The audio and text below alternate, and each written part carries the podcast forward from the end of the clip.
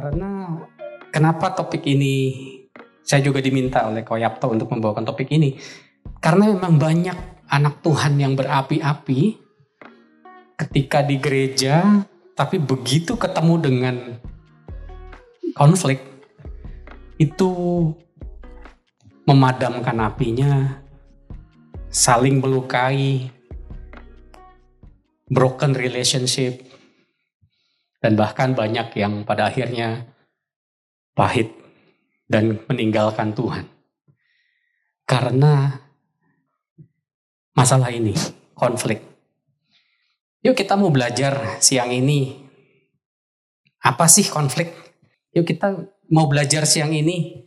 Akar kata konflik itu berasal dari kata kerja Latin, yaitu kon yang artinya bersama dan fligere yang artinya benturan. Jadi konflik itu memang benturan dua pribadi cara bersama-sama berbenturan. Next. Kenapa bisa berbenturan? Sebenarnya Alkitab mencatat bahwa besi menajamkan besi. Orang menajamkan sesamanya. Saya percaya kalau itu diizinkan terjadi di hidup kita, artinya kita sedang dipertajam. Konflik itu kita harus ngerti. Tidak pernah harus berakhir dengan menyedihkan. Semua konflik yang terjadi tidak harus berakhir menyedihkan. Tidak harus berakhir dengan perpecahan, tidak harus berakhir dengan luka, tapi memang harus ada benturan. Kenapa? Next. Ini faktor penyebabnya. Kenapa orang bisa konflik? Yang pertama, perbedaan individu, perbedaan karakter, latar belakang, pola pikir. Ini kan kita semua berbeda kan di tempat ini. Jadi kita semua punya potensi untuk menciptakan sebuah konflik. Kenapa? Karena Penyebabnya konflik karena perbedaan. Yang kedua, karena budaya. Perbedaan ini kalau kita mau perjelas, oh satu misalnya ada orang yang karakternya dominan, yang selalu bisa menetapkan visi dan tujuan ke satu titik. Dan ada orang yang punya karakter yang berbeda, yang mungkin karakternya hijau atau pendamai atau yang stabil, yang sulit untuk men, merasakan apa, mengalami perubahan itu sulit untuk bisa terus menerus berubah. Sedangkan ada pemimpin yang wah saya harus berubah. Itu perbedaan karakter. Ada orang dominan, ada orang intim, orang stabil dan orang cermat. Ada kalau pakai warna ada merah, kuning, hijau dan ungu.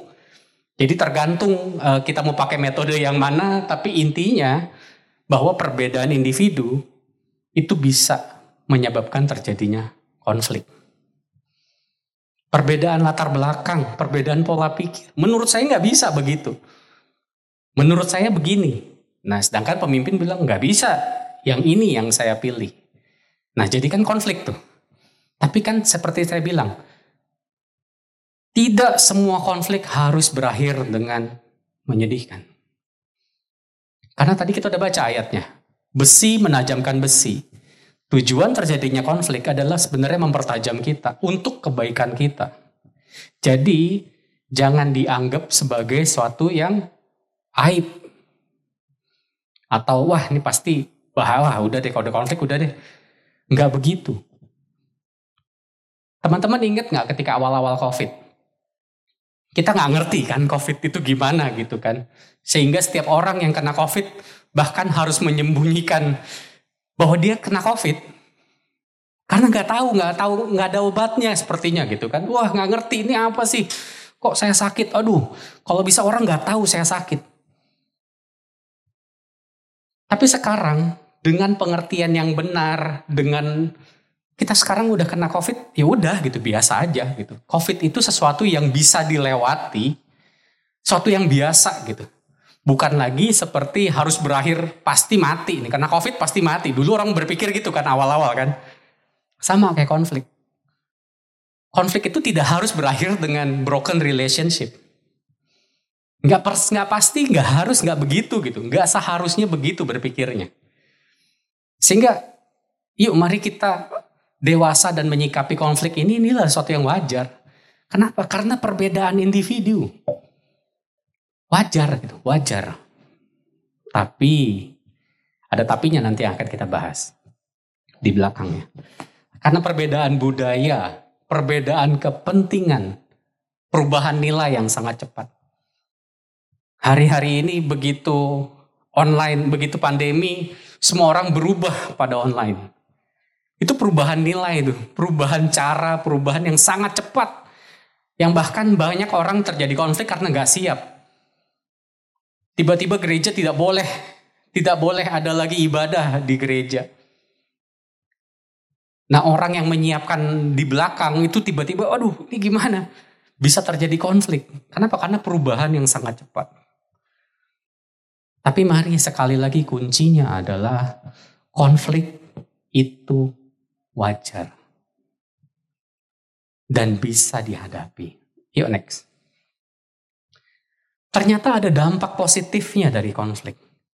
Ada penyesuaian nilai, penyesuaian kembali nilai atau norma. Maksudnya apa kok? Di sini ketika terjadinya konflik, setelah efek efek positifnya adalah tidak ada lagi misinformasi, tidak ada lagi nilai atau norma yang berbeda. Tidak ada lagi lack of information. Kenapa orang bisa berpola punya pola pikir yang beda? Karena mungkin informasinya kurang. Nah, dengan adanya konflik, dia tuh akan menyesuaikan. Konflik itu akan menyesuaikan nilai-nilainya menjadi sama. Jadi sebenarnya dengan adanya konflik, suatu organisasi itu akan semakin kuat ketika bisa lewati dan menyikapinya dengan baik. Kenapa? Karena nilainya akan sama. Value-nya sama yang dipegang. Akan semakin ada penyesuaian nilai atau norma dan ada progres. Generasi Z dengan generasi X atau baby boomers gitu ya, sering kali terjadi konflik. Tapi dengan adanya konflik akan ada progres saling melengkapi. Generasi Z yang ada di depan yang hari-hari ini bisa ngelihat perubahan, itu akan membawa generasi baby boomers atau generasi X yang sebelumnya itu masuk ke dalam satu dimensi baru. Ada progres. Dengan adanya online ini progres nih Orang bisa ibadah di mana aja. Orang bisa cari Tuhan kapan aja. Di mana hari-hari ini orang butuh Tuhan. Tidak lagi dibatasi oleh tembok gereja. Wah hari ini Senin gak ada gereja. Buka online-nya masih ada. Aku mau mau nyembah Tuhan. Aduh gimana? Lihat buka online aja. Apa pun yang kita butuhkan hari-hari ini sebenarnya. Tuhan ada sekitar kita. Dan hari-hari ini penuaian terbesar dan terakhir itu sungguh-sungguh sedang digenapi. Ayo mau nggak kita masuk ke dalam stream itu? Mau nggak kita masuk ke dalam arus itu? Jangan berhenti cuma karena konflik. Pandang ini, kalaupun itu diizinkan terjadi, pandang itu sebagai sesuatu yang baik, yang bisa dilewati. Karena ada dampak positifnya, ada progres ada kemajuan. Secara rohani orang-orang yang di dalam konflik itu akan mengalami progres. Dan secara organisasi ada progres ketika bisa menyelesaikan konflik demi konflik. Next. Nah, di sini sebenarnya poinnya. Seringkali kenapa pandangan tentang konflik itu berakhir buruk karena ayat Yakobus 4 ayat 1 dan 2. Yuk kita buka dulu bahasa Indonesianya, baru kita baca yang uh, bahasa versi amplified dan uh, the message-nya. Yakobus 4 ayat 1. Oke, saya bacain ya. Dari manakah datangnya sengketa dan pertengkaran di antara kamu? Bukankah datangnya dari hawa nafsumu yang saling berjuang di dalam tubuhmu? Kamu mengingini sesuatu, tetapi kamu tidak memperolehnya. Lalu kamu membunuh, kamu iri hati, tetapi kamu tidak mencapai tujuanmu. Lalu kamu bertengkar dan kamu berkelahi. Kamu tidak memperoleh apa-apa karena kamu tidak berdoa.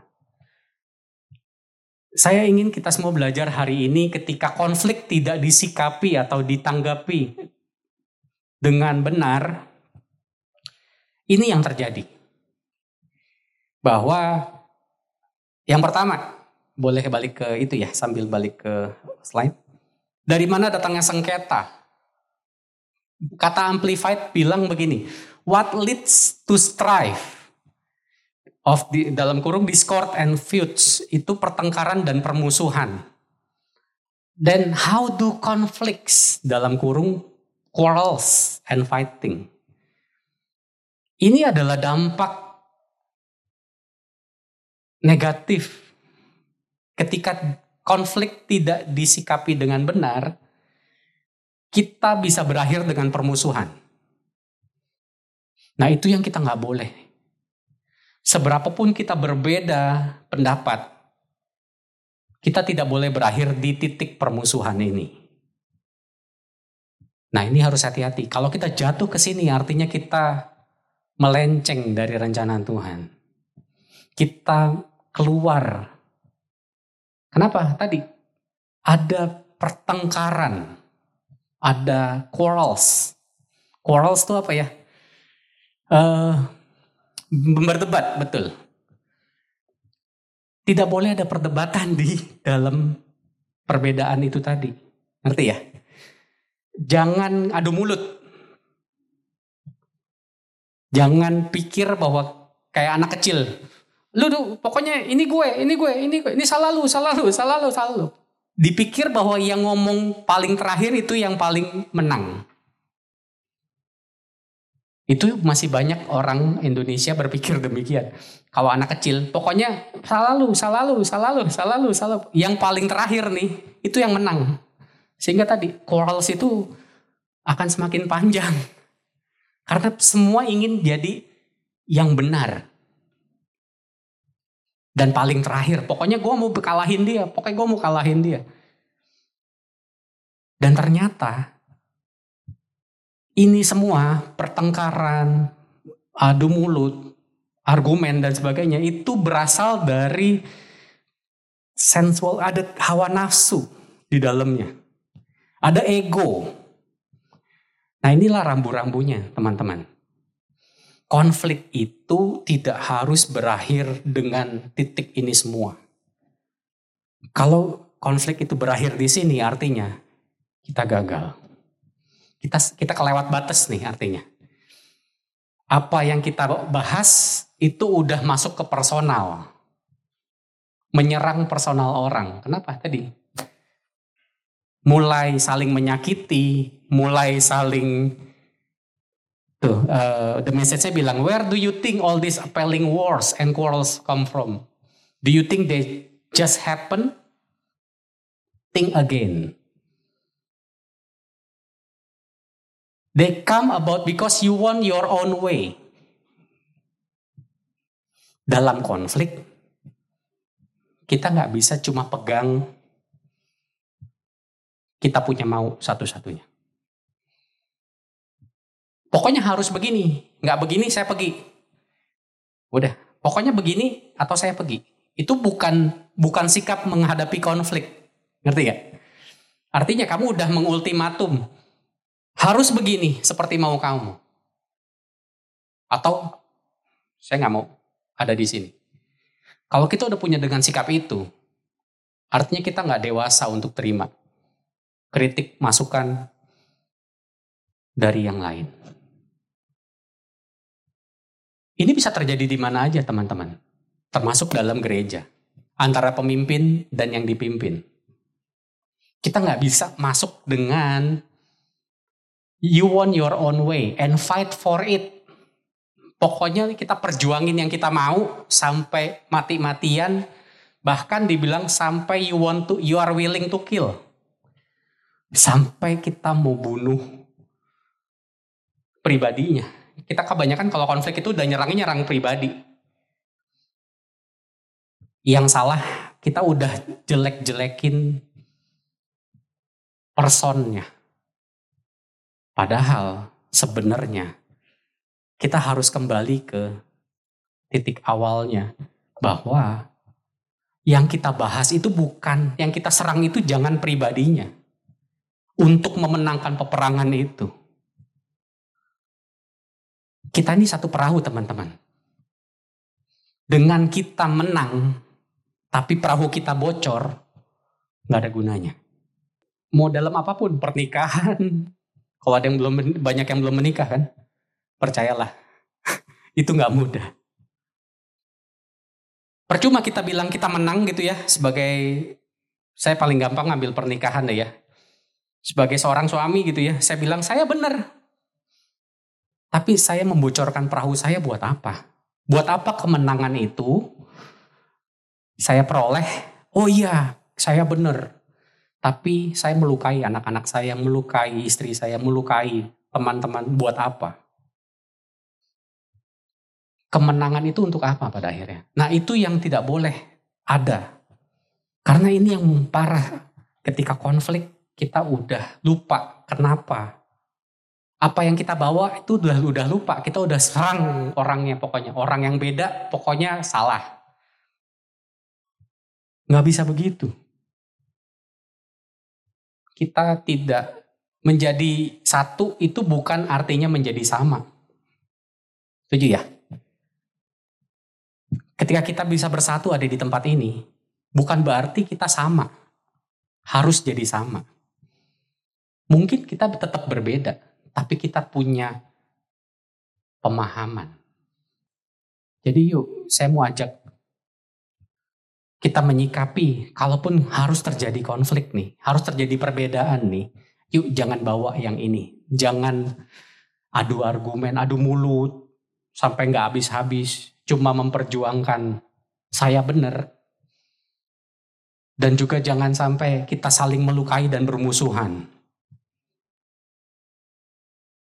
Saya juga pernah ada di posisi di mana saya ber saya saya pemimpin di gereja saya beberapa tahun lalu saya pernah bertengkar konflik dengan ketua yud saya. Saya yud pastor, dia ketua yud. Sampai pada akhirnya yang kami perjuangkan, yang kami yang saya omelin, yang saya pertahankan itu bukan tentang apa yang dia uh, ajukan. Bukan masalahnya intinya, karena udah meluas ke mana-mana, akhirnya saya nyerang pribadinya. Saya di dalam kebodohan saya, saya melukai dia. Dia baru ikut dulu scam. Saya langsung bilang, ini gini sikapnya orang ikut dulu scam. Wah, di mana hati hamba? Apa tuh begitu gitu? Saya serang karena perbedaan. Itu yang saya lakukan salah. Dia, dia luka, dia drop uh, jabatannya dan dia pergi. Saya pikir saya menang kan, dia pergi. Saya yang bodoh, saya yang salah. Ya tadi, saya pikir menang adalah segalanya dari sebuah konflik. Salah. Solusi adalah segalanya. Cari jalan tengahnya. Karena saya pernah ngalamin begitu, saya tahu bahwa kalau kita ketemu dengan perbedaan, yuk kita duduk dan dengarin. Bukan pegang apa yang saya pikir itu benar dan dia berdiri di sisi satunya dan tidak ada yang mau nyebrangin. Pokoknya lu ke sini, Gua nggak mau ke sana. Yang sana bilang lu ke sini. Gua nggak mau ke sana. Ya udah tidak ada yang menjembatani. Akhirnya harus berakhir dengan broken relationship. Akhirnya saya datengin, saya minta maaf, saya udah beresin. Tapi kan tetap things will never be the same. Jadi jangan masuk ke dalam jebakan ini. Bahwa kita berdebat, melukai, cuma untuk dapat kemenangan yang salah. Next. You are jealous. Nah ini kalau kita baca gitu ya, ujung-ujungnya udah so you fight you don't have because you don't ask. Seringkali kita nggak terbuka. Kita kita pengen terjadinya perubahan tapi kita nggak nggak nggak duduk diam, nggak duduk sama sama sama sama orang pemimpin atau apa pun, cari jalan tengahnya. Tapi kita paksa. Harus begini seperti mau kita. Padahal belum tentu cara kita adalah yang paling benar. Dan itu cuma dilakukan oleh anak-anak kecil yang ingin memperoleh kemenangan dengan cara at any cost. Pokoknya gue menang. Gue mau mau tinggalin ini semua dalam keadaan terluka. Pokoknya gue menang di sini. Enggak bisa begitu. Baik, berikutnya. Nah inilah tips. Saya nggak panjang nih, tapi ini adalah uh, apa ya intisari atau apa yang pernah saya lewatin dulu-dulu gitu ya yang tips yang bisa saya kasih uh, untuk teman-teman di tempat ini saya percaya kita semua akan dipercayakan hal besar dalam hidup kita oleh Tuhan amin tapi kita harus setia dengan yang kecil kita harus setia dengan yang kecil yang Tuhan percayakan di tangan kita respon yang tepat berdampak ketika ada konflik sebagai pemimpin, saya bagi dua nih, sebagai pemimpin dan sebagai follower. Saya percaya semuanya akan jadi pemimpin di tempat ini. Tapi kita harus belajar dari follower juga. Amin. Supaya kita bisa jadi pemimpin yang baik, kita harus jadi follower yang baik. Tapi bagi pemimpin, yuk kita dengerin dulu. Kadang saya ini orangnya eh, nggak uh, sabaran teman-teman. Jadi saya orangnya sumbu pendek. Jadi kalau orang belum selesai ngomong saya udah potong. Oh, belum potong, belum selesai ngomong saya potong. Salah saya lakukan itu. Ketika saya lakukan itu orang males cerita. Ah udahlah orang orang belum ngerti maksud gue udah dipotong-potong. Udah terserah. Jadi bagi pemimpin dengerin dulu apa sih maksudnya. Kenapa dia merasa demikian? Kenapa dia merasa nggak nyaman dengan ini? Kenapa dia ada perbedaan ini kenapa penyebabnya? Saya berlatih untuk mendengarkan itu dengan saya pakai selotip teman-teman. Saya tutup mulut saya. Jadi saya biarin orang lawan bicara saya ngomong sampai selesai.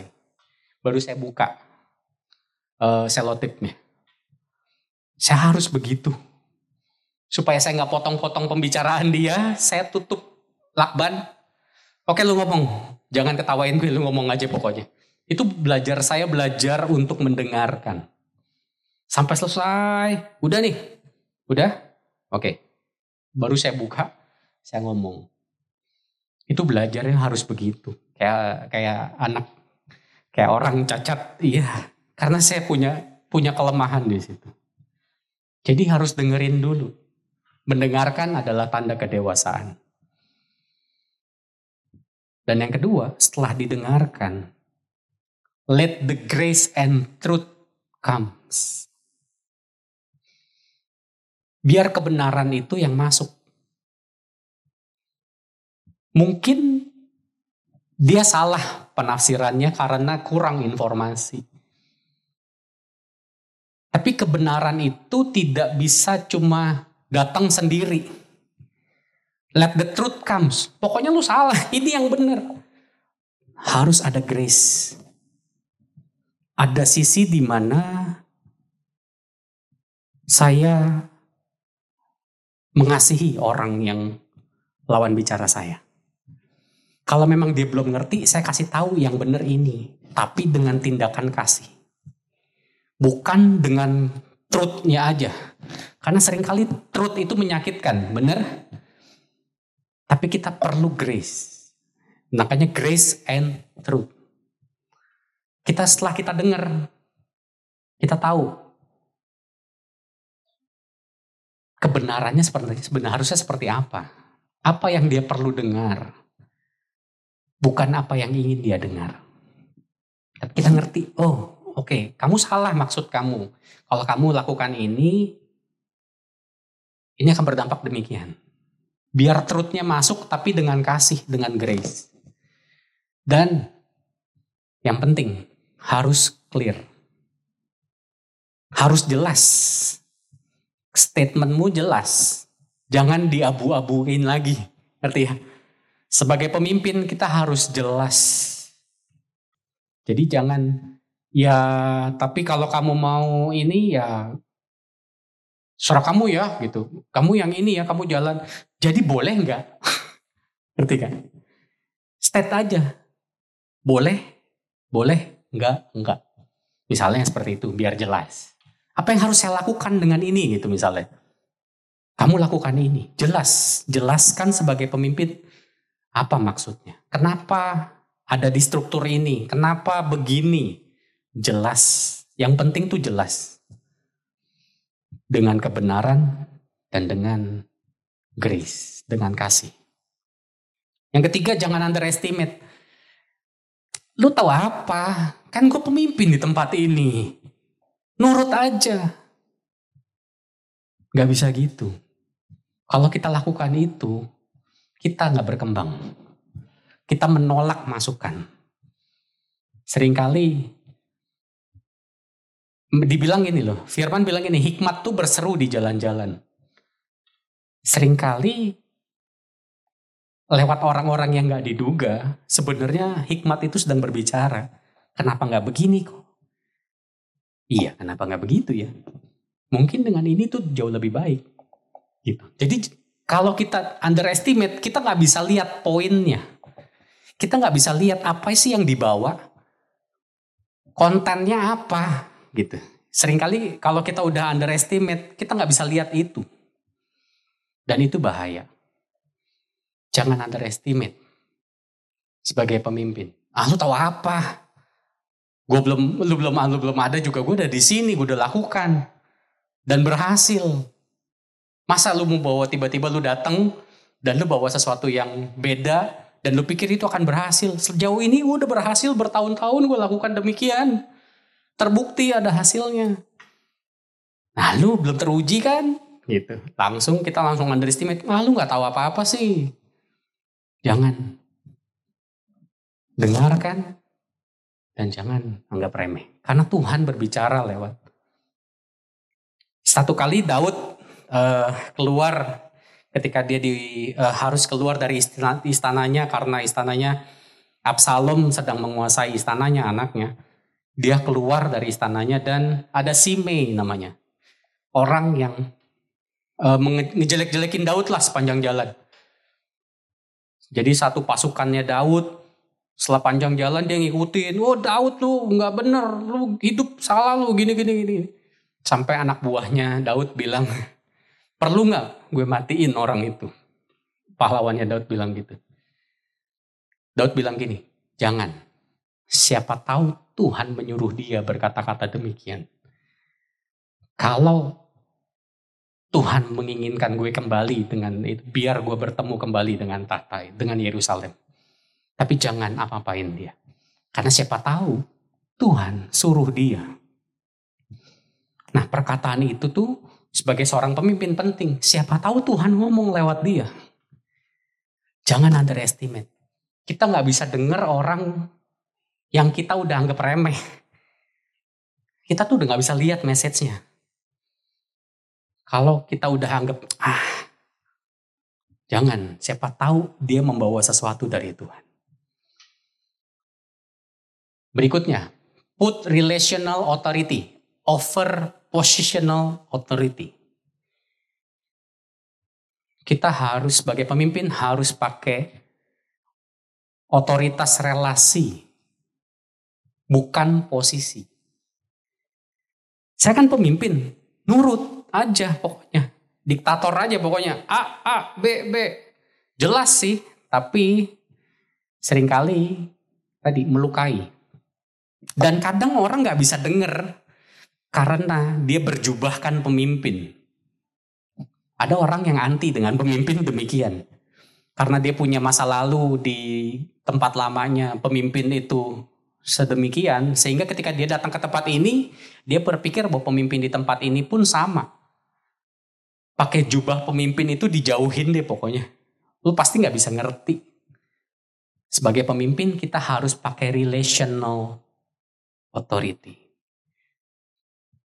Saya kakak kamu di tempat ini, sebagai seorang kakak, saya kasih masukan demikian. Itu lebih bisa diterima dibanding sebagai saya pemimpin di tempat ini, dengerin saya. Beda ketika kita datang sebagai seorang kakak di tempat ini. Saya ngerti maksud kamu. Tapi yang benar yang ini. Nah, put relational authority. Kalau mungkin kita belum punya relation sama orang itu, yang punya konflik itu, yuk kita bangun dulu aja. Sehingga dia ngerti maksudnya kita.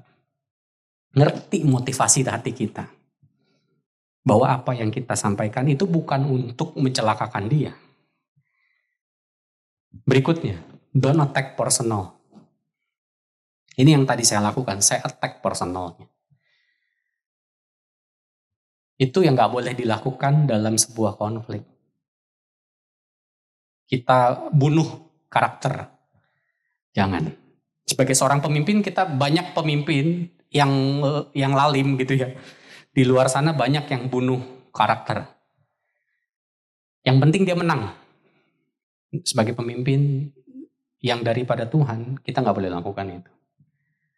Karena dia atau lawan bicara yang tadi yang brought up the conflict, dia juga orang yang dikasihi Tuhan. Tuhan kan sayang sama dia kan. Ketika kita ada di posisi di mana orang yang sayang sama kita juga sayang sama dia, ya kita nggak akan melukai dong orang yang disayang. Jadi don't attack personal.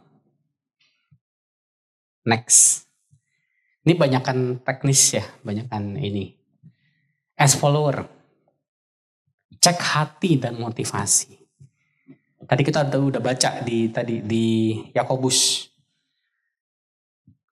4. Apakah itu karena ego? Karena desire, karena hawa nafsu yang berjuang di dalam tubuhmu? Ketika kita ngajuin ini, ini kita cuma pengen kelihatan tampil, kelihatan bener, pengen punya performance atau apa.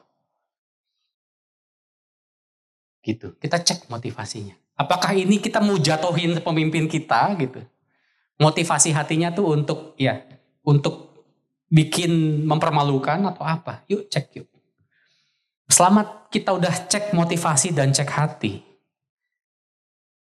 Artinya kita good to go I'm good. Maksudnya gini, cek hati itu gini, kalaupun ditolak nih usul atau saran atau perbedaan atau apa pun yang aku pikirin ini ditolak, I'm fine with that. Then go. Kalau kita masih nggak bisa terima nih, nggak bisa, ini harus begini, dan kita harus deal dengan hati kita dulu. Bawa ini ke dalam doa dan bawa ini ke, di hadapan Tuhan. Tuhan ini benar nggak? Yang kedua, sampaikan dengan cara penyampaian dan etika yang baik, tetap tunduk dan respect. Perhatikan intonasi. Kita nggak bisa datang dengan koyato, tahu nggak? Ini salah, tahu? Udah mainnya udah di gigi lima gitu. Begitu ketemu langsung gigi lima. Ini tahu nggak? Ini kata kok salah nih gini gini gini. Lah, jangan namanya tadi start dari nol dulu. Kalau apa-apa tuh masuk gigi satu dulu. Kau aku mau ngomong boleh nggak? Aku lihat begini, begini, begini, begini. Kan penyampaiannya jauh lebih baik ya. Kenapa? Karena intonasi. Setelah kita cek hati, penyampaian pun harus baik. Jangan sampai maksudnya baik, penyampaiannya tidak baik, ditangkapnya jadi tidak baik. Maksudnya baik nih, tapi karena penyampaiannya nyolot banget gitu ya. Kadang orang kepancing untuk tangkep emosinya dibanding isinya. Jangan lakukan. Karena itu membuat kita missing. Percuma kita lakukan itu. Orangnya jadi nggak nangkep. Kenapa? Karena nangkep intonasi dan emosinya jauh dibanding isinya. Kita harus pastikan isinya terdeliver dengan baik. Itu tujuan dari conflict resolving. menyampaikan isi, bukan emosi. Jadi, nyampaikan dengan intonasi, etika yang baik, tetap tunduk, dan respect itu penting. Kalau misalnya kamu mau mencoba mengubah sesuatu yang besar, jangan langsung minta itu bisa dieksekusi. Coba karena gini loh, uh, seperti tadi kita udah bahas, saya udah bahas. Generasi baby boomers dan generasi X itu sudah melakukan bertahun-tahun lebih dulu dibanding kita di tempat ini. Ya kan? Dan metode mereka berhasil di zaman itu. Kan nggak mudah mengubah sesuatu yang pernah ada hasilnya itu dengan sesuatu yang baru yang belum kelihatan hasilnya. Ketika kita mengajukan sesuatu nih, bisa nggak ini diubah? Orang yang sudah melakukan, yang sudah berhasil pengen tanya, yakin ini akan berhasil? Kan nggak kelihatan hasilnya. Yang saya sudah lakukan ini pernah berhasil dan ini mungkin berhasil terus gitu kan. Oleh karena itu, minta izin untuk lakukan mini project. Saya coba dengan dua tiga orang dulu konsep saya. Apa yang mau saya sampaikan supaya kita bisa tunjukin hasilnya, buktinya. Bukan cuma berdebat. Pokoknya ini harus diganti. Saya nggak bisa, nggak bisa. Ini udah ketinggalan zaman, ini harus diganti. Ini pernah jaya di zamannya. Jadi kita nggak bisa argue dengan, ngerti ya? Kita benturin dia dengan ini udah kuno. Loh ya nggak bisa. Tidak semua yang kuno itu gagal. Kita harus ngerti itu sebagai sebagai generasi Z nih. Sebagai follower nih. Kita nggak bisa tabrakin sesuatu yang udah established bertahun-tahun dengan sesuatu yang masih eksperimen, pilot project nih gitu kan.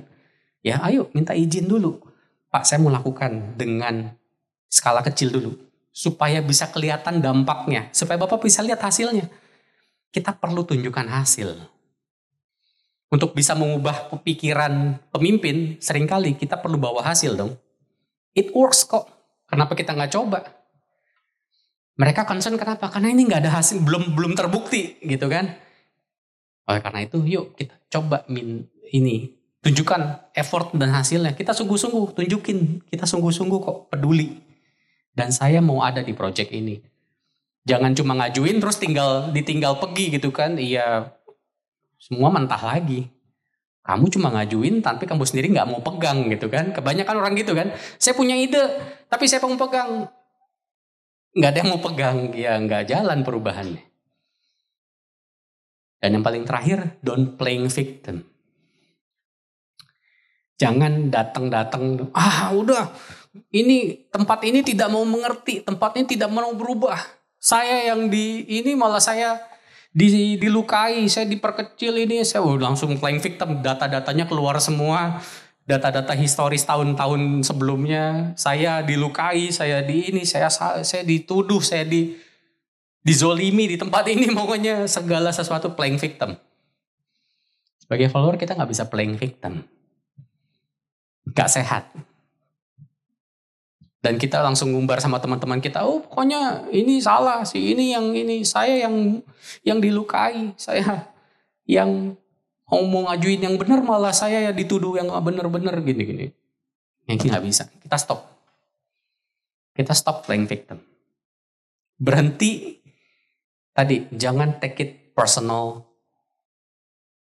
Tapi tadi ide dan perbedaan dan konflik tidak harus berakhir dengan broken relationship. Itu jauh lebih penting. Relationship itu jauh lebih penting daripada sekedar uh, mensukseskan pemikiran kamu. Gitu. Kalaupun sekali gagal ditolak, ya mungkin kita bisa ajukan di lain waktu. Mungkin timingnya belum tepat. Mungkin resource-nya belum ada. Jadi tidak bisa semua yang kita ajukan harus jadi seperti Candi Roro Jonggrang pokoknya seribu candi sekarang gitu. Iya nggak bisa. Kita harus ngerti. Dan saya percaya itu baik. Gitu. Saya percaya itu mendewasakan kita semua. Baik pemimpin, baik yang dipimpin, it, konflik itu mendatangkan kebaikan. Ketika itu disikapi dengan baik. Saya berdoa tempat ini akan jadi tempat yang subur untuk jiwa-jiwa bertumbuh dan jiwa-jiwa dimenangkan. Dan sungguh ada pemimpin-pemimpin yang dewasa yang boleh lahir dari tempat ini. Dan sering kali pemimpin yang dewasa itu lahir dari sebuah konflik. Gitu. Jadi jangan anti dengan konflik, jangan hindari. Hadepin aja. Sampaikan kalau emang ada perbedaan, sampaikan kalau ada inspirasi. Tapi follow the guidance. Jangan berakhir di permusuhan, di pertengkaran, di quarrels, di adu mulut, dan tadi berakhir di tempat yang yang jelek. Gitu. Bawa ini sebagai satu alat untuk bawa dibawa naik sama Tuhan. Dengan kita dewasa nih, kita siap untuk dipercaya hal besar. Kalau kita anak kecil terus, kita nggak bisa bawa mobil kan? Kita nggak bisa dipercayakan hal-hal besar kan gitu. Kenapa? Karena kita masih kecil. Yuk, dewasa yuk. Supaya kita bisa terima hal besar daripada Tuhan. Yuk, amin. Yuk kita doa sebelum kita tutup. Bapak kami bersyukur